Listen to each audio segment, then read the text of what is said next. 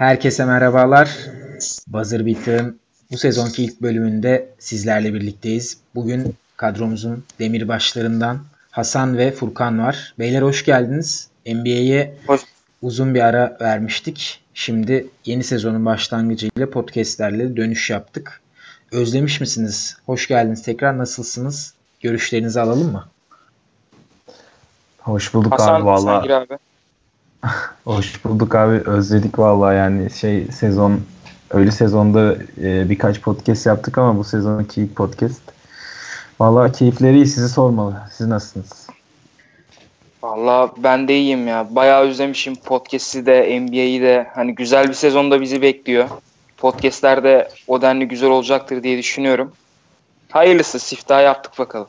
Valla NBA'deki takımların güç dengesinin özellikle birbirine yaklaşmasından sonra e, ilk haftanın sonucunda baya güzel maçlar izledik. Baya güzel anlar gördük ve e, çok net bir favori veya net bir e, kötü takımdan ziyade çok böyle çok başlı bir yarış içerisinde olacak gibi görünüyor sezon. Hani klişe ama herkesin herkesi yendiği bir lig olarak geçecek gibi görünüyor bu sezon. Ve hepsinin yanında çok da hızlı ve göze de aslında e, hoş gelen basketbol oy- oynandığını düşünüyorum ben. Bunu da zaten bu seneki ilk e, hafta sonundaki pace'ten görebiliyoruz zaten beyler.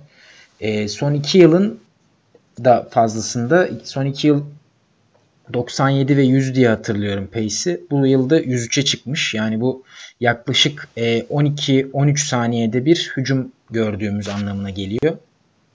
E, bu da tabii bizi izleyenler olarak en başta mutlu ve e, heyecanlandıran şeylerden birisi. Mutlu eden ve heyecanlandıran şeylerden birisi.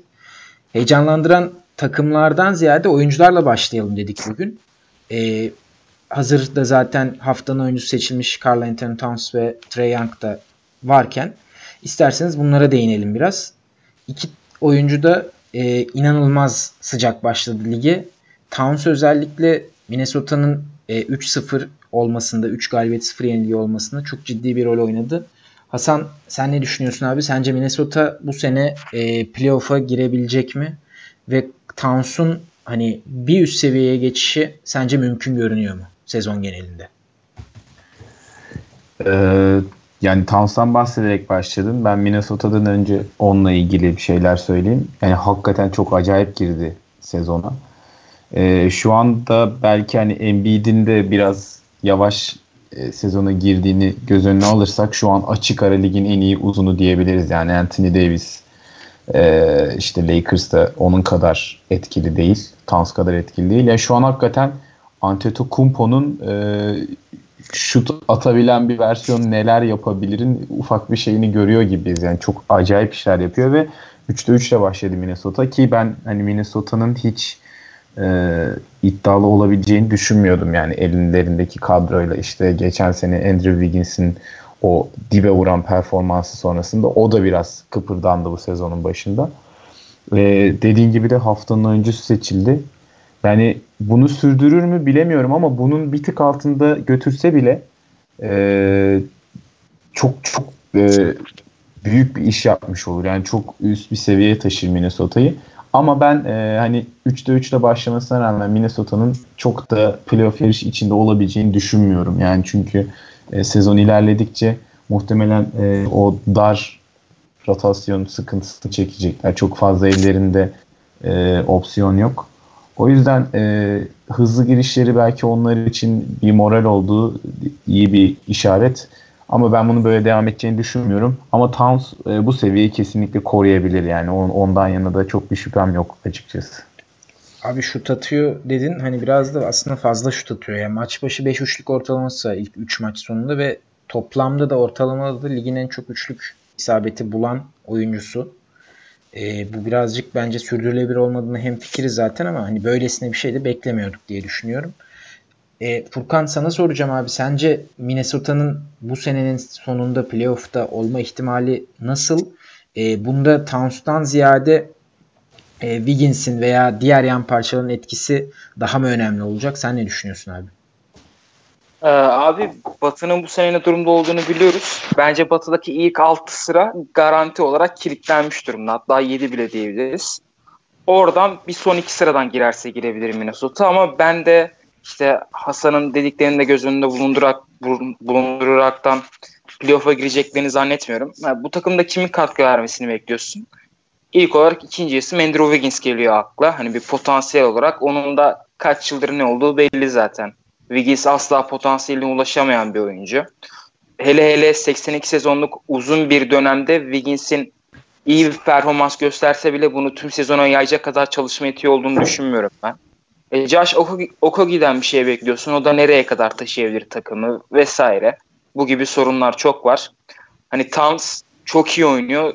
Gerçekten sizin üstünüzde diyecek hiçbir şeyim yok. Sağda ne sağda hiçbir eksiği yok. Çok güzel oynuyor. Ee, ama bu uzun bir sezon ve ilk haftalarda da bazı oyuncuların patlama yaşadığını biliyoruz. Towns yine bu sezon iyi olacaktır. Ama bu istatistikleri düşecek diye düşünüyorum.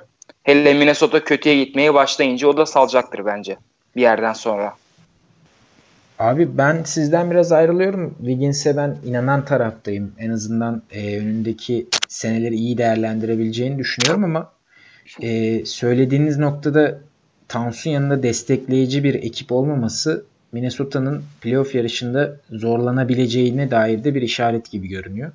Buradan Doğu'ya geçelim. Doğu'da Trae Young haftanın oyuncusu seçildi. Trae Young da e, inanılmaz başlayan diğer bir isim de 34 sayı ortalamayla ve maç başı 4.3 üçlükle girdi sezona. Bunun yanında 9 asist ve 6 rebound gibi gerçekten etkileyici bir performans gösteriyor. Hatta e, yanılmıyorsam Detroit maçıydı. Logodan da iki tane üçlük attı neredeyse. Logo seviyesinden. E, hani range'ini, mesafesini arttırdığına dair söylemler vardı ama bu kadar arttırdığını düşünmüyordum.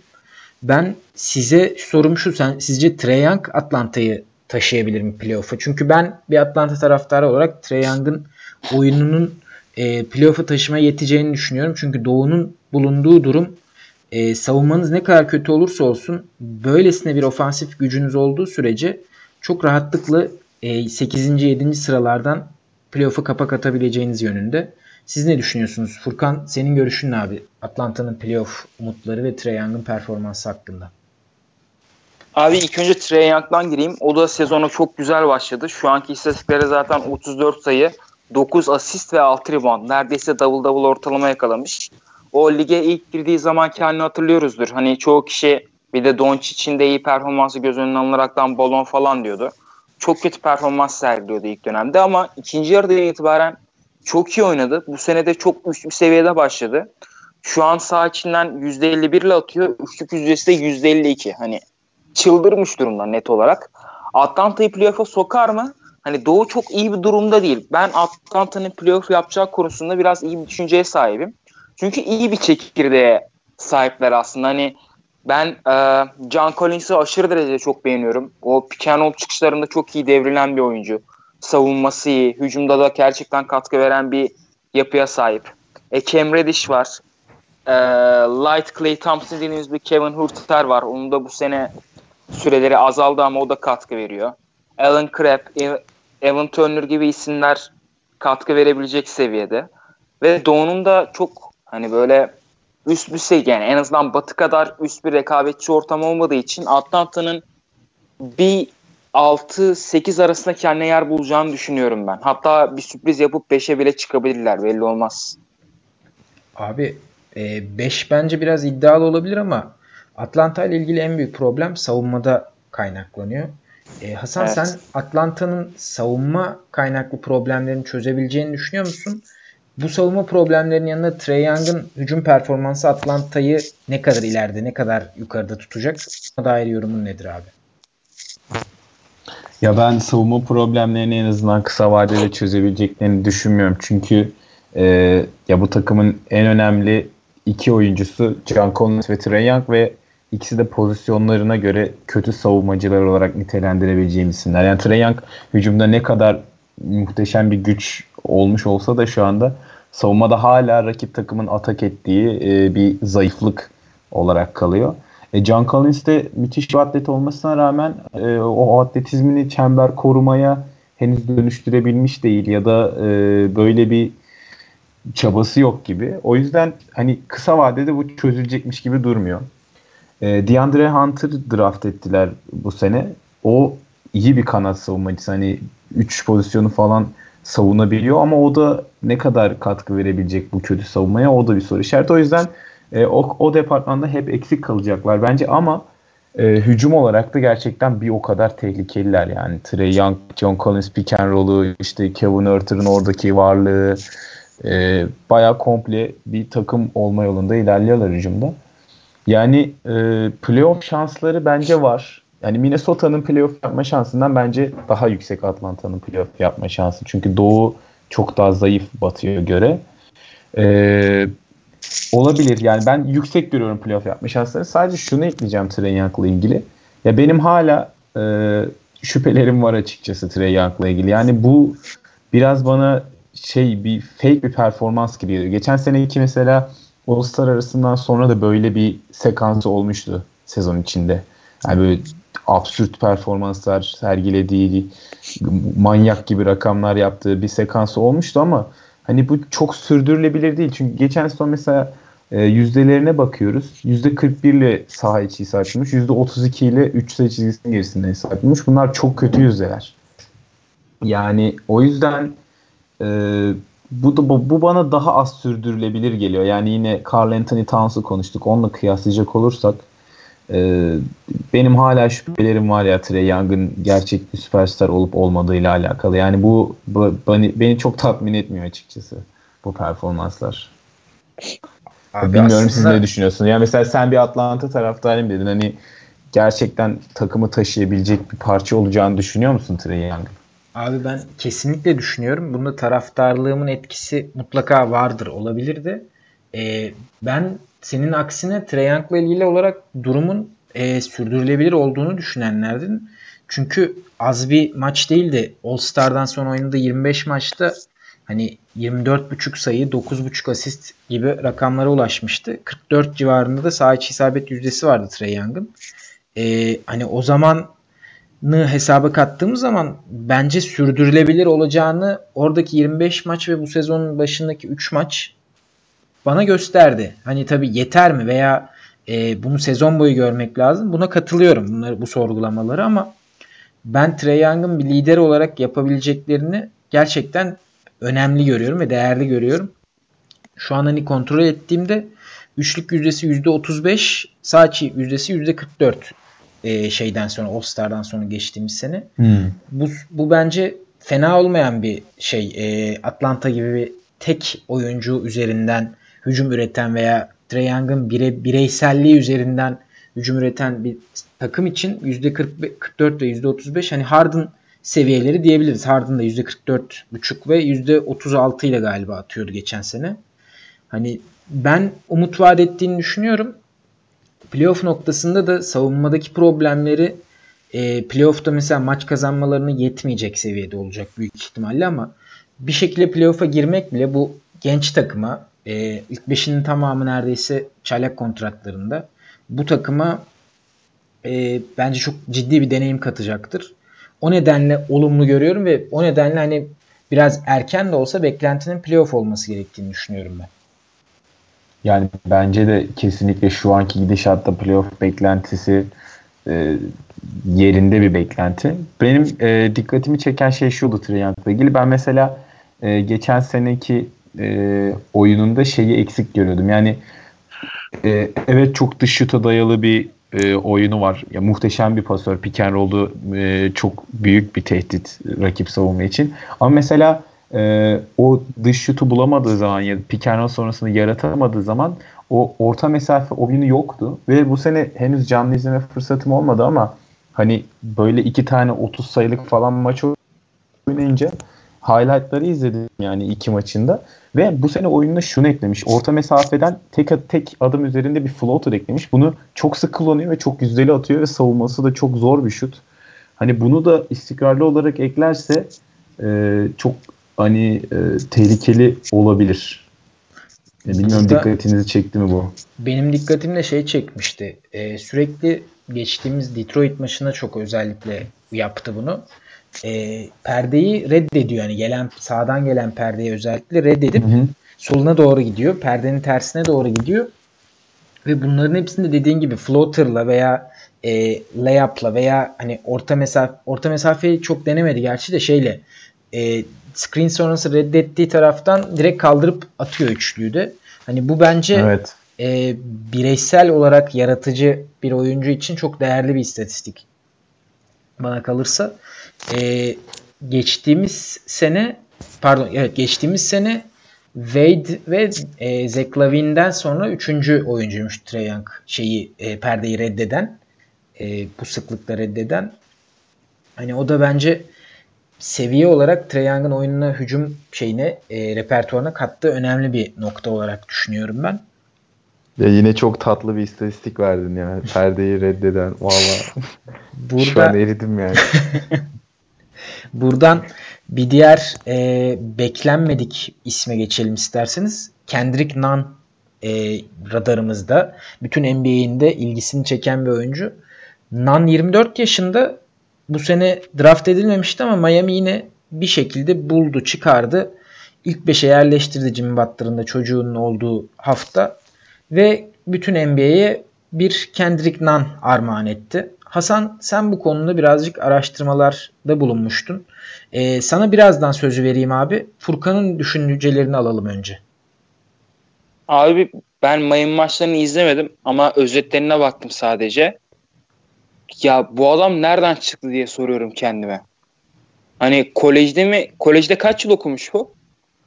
Kolejde 4. 4 yıl abi. 4. Hani şey mi dersin acaba? Kolejde bu kadar pişmiş gelmiş de iyi oynuyor mu dersin? Yanıyor Hani herhalde. bilemedim. Işte.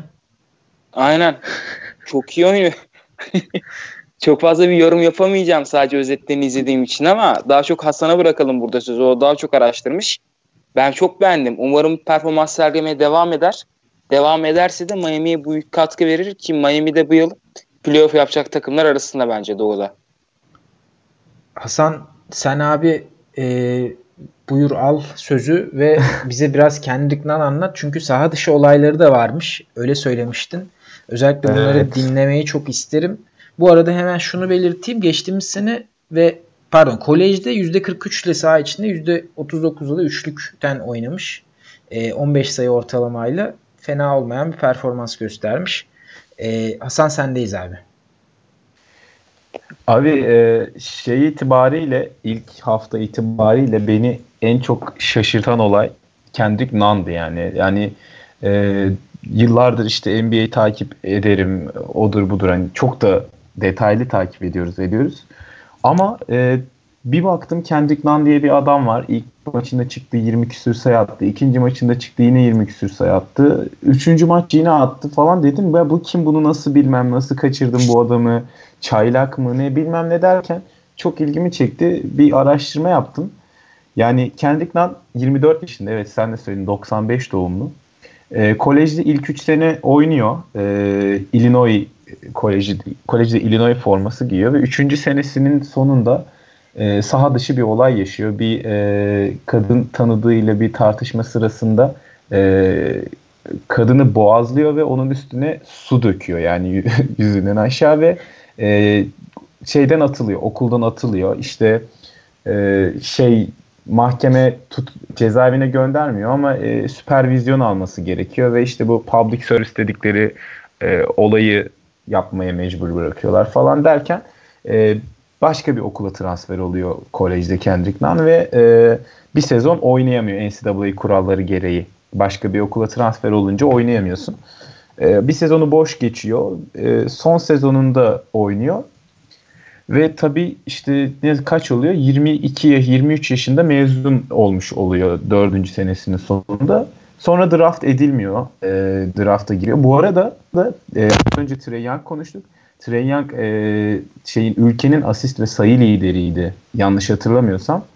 Trey Young'ın ardından ikinci. Yani NCAA'nin sayı krallığında ikincisi. Yani bayağı da bir başarı yani bu ne kadar küçük bir okulda birinci opsiyon olarak oynamış olursa olsun e, en çok sayı atan iki, ikinci oyuncu olarak e, belli bir kalitesi de var. Ama draft edilmiyor. Daha sonrasında Golden State'in e, G League takımında geçiriyor geçen seneyi ve e, bu sene yazın daha doğrusu geçen senenin sonunda Miami Heat'ten bir kontrat alıyor. yazın Summer League'de e, çok iyi performanslar sergiliyor ve bu sene dediğim gibi ilk 3 maçında Jimmy Butler'ın da yokluğunda 20 küsür sayıyla başlıyor. Yani ben oyununu izledim. Oyunundan da çok yani çok agresif bir oyunu var. E, solak bir oyuncu. Dışarıdan atıyor, içeriden bitiriyor. Yeri geliyor Miami'nin o e, point guard kıtlığında point guard görevlerini üstleniyor. E, savunmada aktif top çalma, ikiye yakın top çalma ortalaması var. Çok e, yüz, yüksek yüzdeyle dış atıyor. Yani ben çok beğendim. Ama dediğim gibi sağ dışı sorunları olan da bir abimiz kendisi. Yani bu sezonun ilk hafta itibariyle benim en çok ilgimi çeken hikayesiydi ve bugün de hani konuşalım istedim. Böyle yani Kendrick Nunn'ın hikayesi bu. Bilmiyorum sizin yorumlarınız nedir? Sizi benim kadar şaşırttı mı?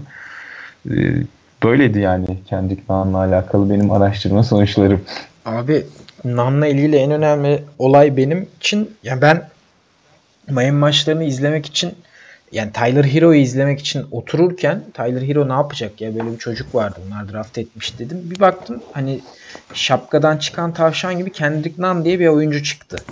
Bu preseason'da özellikle şeyde son maçta 40 atmıştı galiba. Orada takımın yarısı yokken çok hani olabilir olası geldi. Oraya çok güvenmemek gerektiğini düşünüyordum ama sezon içinde 22 sayı ortalamayla oynaması ilk 3 maç sonunda beni de şaşırttı ve şey gibi e, bu deneyimini bence çok iyi kullanıyor ve hiç tereddüt etmeden hiç problem yaşamadan en ufak bir zorluk e, belirtisi göstermeden kaldırıp atıyor. E, çok değerli bir skorer olabilir. Miami'nin bir noktada güvenebileceği ve elindeki o parçalardan çıkmak için kullanabileceği bir oyuncu olabilir. Yani Dragic'ten veya Winslow'dan çıkarken ya Nano var zaten skoru bu halledebilir. Top yönlendirme işinde Butler'la veya yeni gelecek bir guard'la yapabiliriz şeklinde düşüncelerine sebep olabilir. Bu açıdan değerli bence. E, ilginç yani bunu sürdürebilecek mi? Özellikle bugün e, Butler oynayacak. Hani bu haftadan sonra bugünden sonra. Bu noktada bir daha görmek lazım ama hikayesiyle birlikte kendi saha içinde de çok ilginç bir karakter. Ya bu arada 3 yıl için 3 milyon dolarlık bir kontratı var yani kısa dönemde muhteşem bir kontrata dönüşebilir Miami Heat için. Evet özellikle sürdürürse bu durumu bu e, oyununu değerli bir oyuncu olacak gibi görünüyor. Ligin en sürdüreceğini düşünüyorum. Ne yani abi? oyunuyla alakalı oyunuyla alakalı her şey sürdürebileceğini gösteriyor. Yani hani böyle e, çok anomali performanslar değil yani 3 maçta da standart benzer oyunla e, benzer performanslar sergiledi. Ya ve bu profilde bir oyuncu ben hani NBA'de daha önce hatırlamıyorum. Mesela işte bir Jeremy Lin vakası olmuştu. Ee, hmm. Hiç olmadık bir yerden sezon ortasına çıkmıştı. İşte bir Sandiata Gaines vardı hatırlarsınız belki G League'den gelip 2-3 e, maç çok acayip işler yapmıştı. Maç kazandıran basketler ama hani böyle bir anda ortaya çıkıp e, sezon başında böyle bir kontrat alıp böyle etki yapan bir oyuncu hele de bu yaşta bir çaylak ben hiç hatırlamıyorum yani. O yüzden çok ilgimi çekti yani. Yani zaten e, bir de Butler'dan sonra göreceğimiz görünce daha iyi şeyler konuşabiliriz diye düşünüyorum. Gerçekten merak ettiren bir oyuncu. E, Kendrick Nunn deyip diğer konumuza Sacramento Kings'e geçelim. Sacramento Kings geçtiğimiz senenin ardından bu sene playoff yapabilecek en önemli takımlardan biri olarak görünüyordu Batı'da. Çünkü 39-43 ile bitirmişlerdi ve playoff potasından sadece birkaç galibiyet geridelerdi. Ee, bunun sürdürülmesi olası görünürken kadroya da yapılan et, eklemelerle birlikte koç değişikliği büyük oranda takımı geriye götürdü gibi görünüyor. İlk e, 4 maç, ilk 4 maçları sonunda. 4 maçta henüz galibiyet alamadılar ve burada sundukları şeyler özellikle Phoenix maçında ve e, özellikle Utah maçında sundukları gerçekten kabul edilebilecek şeyler değildi. E, Furkan sen Sacramento'daki problemin koç özelinde nelerden oluştuğunu düşünüyorsun abi? E, sence Sacramento buradan toparlayabilecek bir seviyede olacak mı? Luke Walton bu seviyede bir koç mu? Özellikle Bagley'nin de yaklaşık 5-6 hafta sakatlıktan dolayı uzak kalacağını düşünürsek. Ya abi bu tür takımlar aslında Luke Walton'un sevdiği tarzı takımlar. Lakers'ta da bunu yapmaya çalışıyordu. O ne? Hızlı tempo oyunu. Hızlı tempo gel gel at. Hani pardon. Sacramento'nun kadrosu çok genç. Hani Darren Fox, Buddy Hield, işte Bogdanovic olsun, orada Harrison Barnes, Buckley sakatama dönecek. Yan parçalarla beraber bu takım modern basketbola uygun ve hızlı basketbol oynayabilecek bir takım aslında. Hani ben çok şaşkınım. Daha iyi bir sonuç bekliyordum şeyden. Sacramento'dan. Ama 4-0'la başladılar. Sağda çizikleri görüntüde hiç ümit verici değildi. Beklentimin tersine oldu bu yıl. He, sezon çok uzun. Daha 4 maç oynandı. Ne olacağı hiç belli olmaz. Ama Luke Walton bu tür kötüye gidişler takımlara, kendi takımlarına daha doğrusu ayar verme konusunda iyi bir koç değil. Hani Lakers'ta bunu yaptığını çok göremedik. Takımı toparladığını kötü zamanlarda. Burada ne yapacak? Çetin bir sınav olacak. Eğer e, sezon ortasına kadar bir şey yapamazsa fişi çekilebilir bence Luke Walton'ın. Burada De'Aaron Fox'un biraz daha takıma ağırlık vermesi gerek. İşte Buddy Hield yeni bir kontrat aldı. Bu yeni kontratı aldığı için biraz savsaklar mı oynamayı, boşlar mı diye düşünüyorum. Kontrat alıp yatar mı diye. Eğer Buddy Hield e, geçen seneki formunda oynarsa, De'Aaron Fox da oyuna daha çok ağırlık koy, koyabilirse yan parçalar zaten işini yapacaktır, yapacaktır bir şekilde. O bir form meselesi. Sacramento'nun batıda e, 8. sıra için playoff'u zorlayacağını düşünüyorum. Ama şu görüntüde felaketler yani gerçekten. Abi zaten e, Sacramento'nun en önemli özelliği hızlı oynamasıydı dedin. Geçtiğimiz sene zaten bunu gösterebilecek şekilde bir oyun oynamışlardı. E, Pace'de 103.1 Pace'de lig 5.siydi Sacramento. Bu sene geçtiğimiz seneki pace'in de altındalar. Sondan 7. sıradılar 101.2 ile yani daha yavaş oynadıklarını söylemek çok mümkün. E, bunu istatistiklerde kanıtlar nitelikte. Ve e, bir diğer ilginç şey de Sacramento'ya dair 100 sayıyı geçemediler galiba ya da bir defa geçtiler bu sene. E, Portland'a karşı diye hatırlıyorum. Bu da bence ilginç bir durumdu. Geçtiğimiz sene Sacramento'nun ne kadar çok sayı atan ve ne kadar hızlı hücum eden bir takım olduğunu düşünürsek e, kabul edilebilecek gibi değil şu an görüntü. Hasan sen sana e, vaat ediyor mu, ümit vaat ediyor mu Luke Walton? Sen ne düşünüyorsun abi? Ya aslında ben Luke Walton Lakers macerası kötü bitse de Luke Walton iyi bir koç olduğunu düşünüyordum yani. Ee, işte o Golden State Warriors tedrisatından geçip Steve Kerr'ün yanında e, yani iyi şeyler öğrendiğini ve bunu e, elinde iyi bir malzemeyle yans e, sahada galibiyet olarak yansıtabileceğini düşünüyordum ama hani Sacramento'daki başlangıcı gerçekten çok kötü oldu. E, şu an gerçekten özellikle hücum anlamında hiçbir şey yapmıyorlar. Yani e, hücum verimliliği konusunda hücum verimliliği istatistiğinde lig sonuncusular. Sen de söyledin Pace'de inanılmaz bir düşüş var tempolarında. Yani yazda yazın yaptıkları hamleler veteran eklediler işte bu genç takıma. Trevor Ariza'dır, Corey Joseph'tır. Ee, hani bu tarz eklemeler yaptılar. Dwayne Dedman geldi. Ee, yani ben aslında playoff yarışı içinde olmalarını bekliyordum ama şu anki görüntüleri hele ki Batı'nın o vahşiliğinde hani sezonun e, ilk çeyreğinde belki de playoff umutlarını yitirmelerine sebep olabilir. Ki bu da Luke Walton'ın e, işini kaybetmesine sebep olabilir. Ya ben bu burada şuna e, takıldım biraz. Dikkatimi çekti yani. Furkan mesela Buddy Yield'ın kontrat alışından bahsetti. Ya yani kontrat alış süreci de çok sancılı oldu yani. Hani bilmiyorum takip etmişsinizdir muhtemelen ama evet, e, işte kontra Aynen kontrat görüşmeleri tıkandı. İşte bana hak ettiğim parayı vermediler. Vermiyorlarsa gider başka yerde oynarım tarzı açıklamalar falan yaptı. Ki bence Buddy Hield'a bu kontratı vermek yani Sacramento açısından bir hataydı. Yani Buddy Hield zaten 22 yaşında NBA'ye girmiş. E, aslında o kadar da genç olmayan ve bence bir takımın ana skoreri olmaması gereken bir oyuncu. Yani ikinci ya da üçüncü opsiyon olabilir ama ana opsiyon olmaması gereken bir oyuncu. E, o kontratı alma süreci çok sancılı oldu. Sonunda aldı ve o orayı etkilemiş gibi gözüküyor. Yani o kontrat mevzuları. Marvin Bagley de sakatlandı. Ee, uzun bir süre yok sanırım. Yani şu an tam hatırlamıyorum ne kadar olmadığını. 5 hafta gibi bir süre galiba abi. Ya evet Marvin Bagley'nin olmayışı mesela orada çok can sıkıcı olacak onlar için. Ben zaten e, Divac'ın hiç iyi bir yönetici olduğunu düşünmüyorum. E, o bunlar da yavaş yavaş bu sıkıntılar üst üste geldikçe e, bunları aşamayacakları düşüncesi ağır basıyor benim için. Valla Sacramento için hücumla birlikte savunmada da ciddi bir problem olduğunu düşünüyorum ben ve bu Luke Walton'un aslında savunmada yapabilecekleri, hücumda yapabileceklerinden daha iyi olabileceğini düşünüyorum ama e, umarım Sacramento doğru yolu bulur ve Luke Walton'u kovar çünkü ben gidişatın pek umut verici olduğunu düşünmüyorum.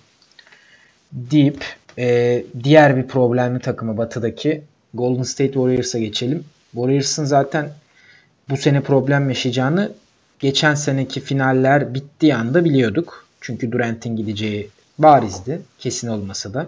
Clay Thompson'ın olmayacağı belliydi ve salary cap'lerinin de sıkışıklığı sebebiyle bir ekleme yapabilecekleri mümkün değildi. Ekleme yapabilmeleri.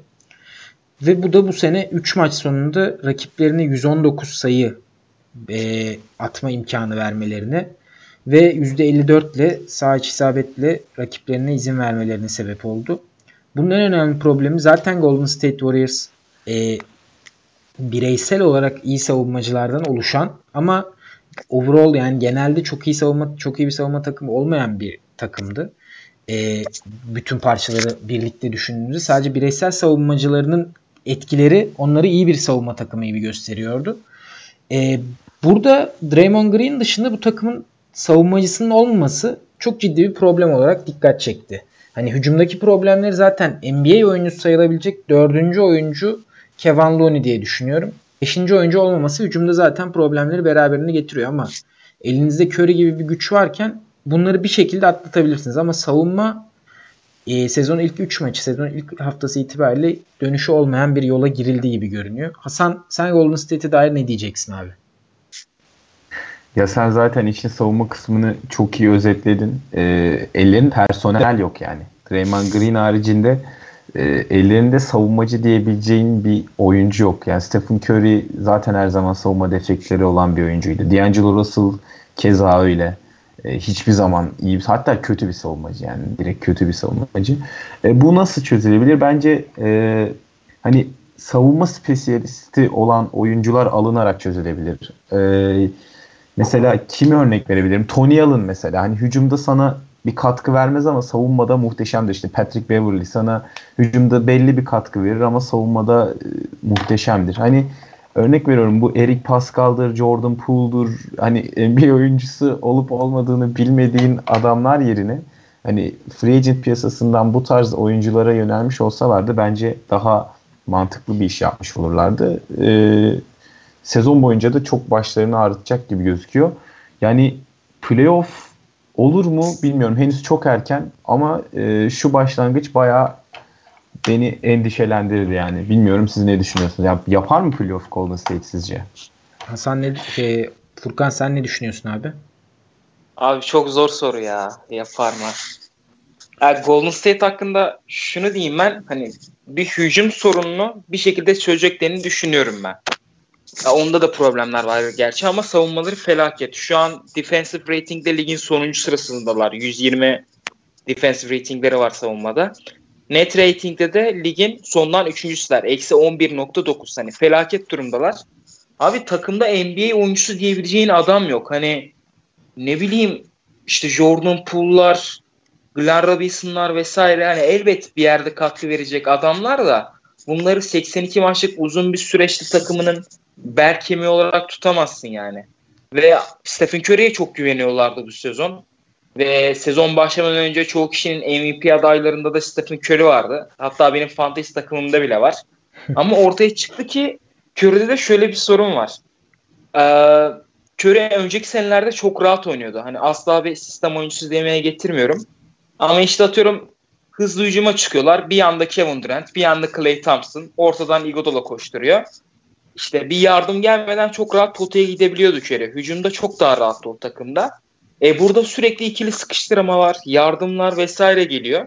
Ve bu tüm sezon sürecek. Curry'nin de sakatlık problemleri olan kırılgan bir oyuncu, kırılgan bir oyuncu olduğunu biliyoruz. Bu uzun sezonun yükünü ne kadar kaldırabilecek Curry? Aynı zamanda hücumda bu geçtiğimiz 5 yıldaki rahatlığı o açık alanı kendisine bulabilecek mi? Curry'nin performansını biraz da bu etkileyecek. Ee, ben bulamayacağını düşünüyorum. O yüzden Golden State'in hem Golden State'in hem Curry'nin beklenenin altında bir sezon geçeceğini düşünüyorum. E, Clay de dönmeyecek büyük ihtimalle. Hani dönebilirmiş de geçenlerde Steve Kerr bir açıklama yaptı. Onu bir sezon oynatmayı düşünmüyorum dönebilse bile dedi. Dolayısıyla bu takımda Curry oynamadıkça yani hiçbir şey olmaz. O yüzden playoff'u kıl payıyla kaçırabileceklerini düşünüyorum ben. Bir 10. 9. sırada falan. Yani Golden State'in e, acilen NBA oyuncularıyla donanması gerektiği konusunda hem fikiriz herhalde. Diyelim. Abi bir de Efendim şey abi. var. Hani bu Amerikan mutfakta kan kurallar da demiş. Çok haklılar. Golden State bu 5 yıldaki oynadığı basketbolu artık oynayamaz. Yani o çok belli. Hani 5 evet, oyuncunun en azından izin verecek evet, durumda değil zaten. 4 oyuncu 4 oyuncunun da en azından topa değdiği bir basketboldu ama 4'ü de elit seviye oyuncuydu bunların. Şimdi sadece bir tane elit seviye oyuncu bir de iyi oyuncu var. Yani ha, D'Angelo Russell ve Draymond Green'i çok hani gömmeyelim ama bu 3 oyuncuyla oynanmıyor basketbol sonuçta. Aynen ee, öyle. Deyip DeAndre Ayton'a geçelim. DeAndre Ayton'ın 25 maç ceza alması bir anda bu haberin düşmesi e, şok edici bir gelişmeydi geçtiğimiz hafta içerisinde. Ve Phoenix de aslında iyi başlamıştı. Özellikle Rubio'nun oraya kat, katılımı e, olumlu bir etki yaratacak gibi görünüyordu. Çünkü Rubio çok kontrolü eline almış ve takım ne yaptığını bilen şekilde hücumda özellikle e, diziliyor ve dağılıyordu. E, Aiton da Rubio ile birlikte oynadığı ikili oyunlarda ilk maçta özellikle fena bir görüntü sergilememişti ama bu ceza bir anda Phoenix'in e, ortalıkta bir yine bir problemle ortalığa çıkmasına sebep oldu. Buna dair hatta ilginç konular da gündeme geldi. İşte Phoenix ilk galibiyeti alınca hemen bir doping testi yapıldı ve DeAndre Ayton dopingli çıktı şeklinde. ilginç yaklaşımlar da vardı. Ee, Hasan sen ne düşünüyorsun abi? Hapçı çıkması şeklinde yorumların vardı ama DeAndre Ayton'a dair. Sence biraz acımasız değil mi abi? Ya bence çok da acımasız değil. Ben Aiton açıklamasını falan okudum e, bu haber düştükten sonra. Yok işte vücuduma almak istemediğim bir madde girmiş, karışmış. Bütün işte taraftarlardan, ailemden, arkadaşlarımdan özür diliyorum falan filan. Hani bildiğimiz ağızlar. E, hani bu, bu devirde bunun çok da istemeyerek girmiş olması bana mantıklı gelmiyor. Yani çünkü bu insanlar profesyonellerle çalışıyor. Belirli diyetleri var vücutlarına ne aldıkları konusunda ekstra sorumluluk sahibi olmaları gerekiyor. Ben hani bunun yanlışlıkla olmuş olan bir şey olduğunu düşünmüyorum. Ee, 25 maçlık ceza da epey büyük bir ceza bu arada. Yani e, zaten bu anti-drug e, mevzusundan ceza alan çok da fazla insan yok. Yani Aiton 5. ya da 6. E, NBA tarihinde Sezon bu cezayı alan aldı. Şey geçen geçen yaz Tyreek Evans NBA'den men edildi bu mevzudan dolayı. Evet yani e, ama hani şeyden beri işte bu anti-drug e, politikası geldiğinden beri bu cezayı hani bu denli büyük bir ceza alan çok fazla oyuncu yok yani. Bir Michael Beasley almıştı bir ara sanırım. İşte dediğim gibi Tyreek Evans var. almıştı bir ara. Benzer bir ceza. Onu hatırlıyorum ben. Hı hı. Yani o yüzden e, belli ki ortamcı e, bu tarz şeyleri seven bir kardeşimiz kendisi. Yani tez vakitte vazgeçsin bu işlerden bence. Çünkü hani Phoenix'te iyi başlamışken kendisi de hani çok büyük bir potansiyel yani Aiton. E, belki geçen sene Doncic'in falan biraz gölgesinde kaldı ama yine de muhteşem bir çaylak sezonu geçirdi. Yani Suns'ın iyi başlayan sezonunda büyük bir darbe oldu o kesin. Furkan sen ne düşünüyorsun abi Aiton'un e, bu durumu hakkında ve Sans'ın planlarını nasıl sekteye uğratır? Ya abi bir kere Sans'ın planı olsa da bir şey olmaz yani. Hani onu bir söyleyelim. Ama şöyle bir durum da var. Tabii ki Phoenix için kötü oldu. Özellikle Rubio'nun bu sene takıma katılmasıyla e, şeyin ismi, heh, Aiton'un hücumda daha rahat edeceğini düşünüyordum. Aynı zamanda Devin Booker'ın da üzerinden o son birkaç yıldır o üzerine yük binen oyun kuruculuk rolünden çıkıp da biraz daha rahat edebileceği bir skorer pozisyona geçeceği için Phoenix'in daha iyi bir durumda olacağını düşünüyordum ama hani Phoenix'in nerelerde kalacağı belli. Batı'nın diplerine yine demir atacaklar. Aiton'un yokluğu onları bu anlamda etkileyecek. Yani Aiton iyi bir perdeci. Hücumda iyi bir bitirici. İşte savunması felaket gerçi. Ligin sonlarına doğru izlemedim. Savunmasını toparladı mı ne yaptı bilmiyorum. Ben en son izlemeyi bıraktığımda kötü savunmacıydı yani. Dolayısıyla Phoenix elbet kötü etkileyecektir ama yani takımda olsa bile Phoenix'in en iyi halinde bile ne olacağı belli yani. Valla Phoenix'i e, ben bu sene ilk 3 maç itibariyle bayağı beğenmiştim. E, dünkü maçta da kimle oynuyorlardı? Denver mıydı yoksa Sacramento muydu? Dün, Utah mıydı bakayım ya? Abi. E, bakayım abi. Çok Denver yak- Portland'ı yendi sanırım. Utah'tı Utah. Utah'tı abi. Çok yakın geçen maçta kaybettiler. Ondan önce de Denver'a kaybettiler. Yine yakın geçen maçta son saniyede Booker'ı bloklamıştı Torrey Craig. E, Phoenix'in değerli toplu göründüğünü düşünüyorum. Umarım yönetimsel anlamda veya böyle işte oyuncuların den yoluyla bir problem yaşamazlar. Çünkü fena bir takım görüntüsünde değiller. Saha içinde özellikle umut vaat ediyorlar diye düşünüyorum. E, hani iyi bir sezon olmasını umarım Phoenix için. Son olarak da bugün çıkan bir haberdi. Bu Kyrie Irving'in e, Çin'de yaptığı konuşmalar, Çin'deki e, mod değişiklikleri ne dair bir e, Tırnak içinde mod değişiklikleri. mi? e, dair bir haber çıktı. Yani Kyrie hani atlattı mı derken yine bir patlak verdi ilk hafta sonunda. Hakikaten çok da iyi de oynadığı bir ilk haftanın sonunda. E, Furkan sen ne düşünüyorsun abi? Sence Kyrie toksik bir karakter olarak mı devam edecek bundan sonraki hayatında? Yoksa bu bir anda Kyrie'yi karalamak için çıkmış bir haber mi? Ya abi Kyrie'nin Cleveland yıllarında hani yine böyle çıkışları olan bir oyuncu olduğu belliydi ama artık o LeBron'un dominantlığından mı dersiniz özellikle son dönemindeki Boston kadar büyük bir yaygara çıkarmıyordu. Bu son iki yılda iyice illallah ettirdi yani kendinden biraz karakter olarak. Ama hani Brooklyn memleketi değil mi? Doğduğu yer yanılmıyorum. Evet abi. Heh. İşte hani Brooklyn'i biraz daha sevmesinin nedeniyle takımla uyum sağlayacaktır diye düşünüyorum. Hani artık sorun çıkarmasın. Çünkü hani bir yerden sonra etiket meselesi olur bu. Ki ne kadar iyi oyuncu olsan da işte Brooklyn'deki kontratı bitince kim bilir neler olacak. Çıkardığı o sorunlar nedeniyle. Ama ben takım uyum sağlayacağını düşünüyorum. Karalama kampanyası mı yani kim neden karalasın Kyrie'yi o konuda bir bilgim ya da düşüncem yok açıkçası. Yani öyle pek fazla bir yorumum yok çünkü Irving anlaşılması çok zor bir karakter gerçekten. Yani Ne desem bir gün sonra tersi çıkabiliyor yani adam hakkında. işte evet problem de o zaten. Bu arada Kyrie'nin e, doğumu değil de büyüdüğü yer şey e, Ha, Avustralya doğumluydu yani. Avustralya doğumlu diye hatırlıyorum ben de. Kontrol etmedim şimdi ama. E, Hasan e, sen Kyrie hakkında ne düşünüyorsun abi? Sen Kyrie'ye çok sıcak olmayanlardansın diye biliyorum ama. Evet ya öyle. Maalesef öyle. Yani e, aslında geçen seneye kadar sevdiğim bir oyuncuydu. E, ama geçen sene Boston'da yaptıkları yani gerçekten benim gözümde bütün kredisini tüketti. Ve bu haberin çıkışı da e, çok şaşırtmadı beni açıkçası. Yani e, e, durduk yere böyle bir haber çıkmaz diye düşünüyorum. Gerçi Brooklyn tarafı işte Koç Atkinson oyuncular falan yalanladı bu haberi. Hani böyle bir şey yok e, uyduruyorlar falan diye. Ama durduk yere neden böyle bir haber çıksın diye düşünüyorum ben de.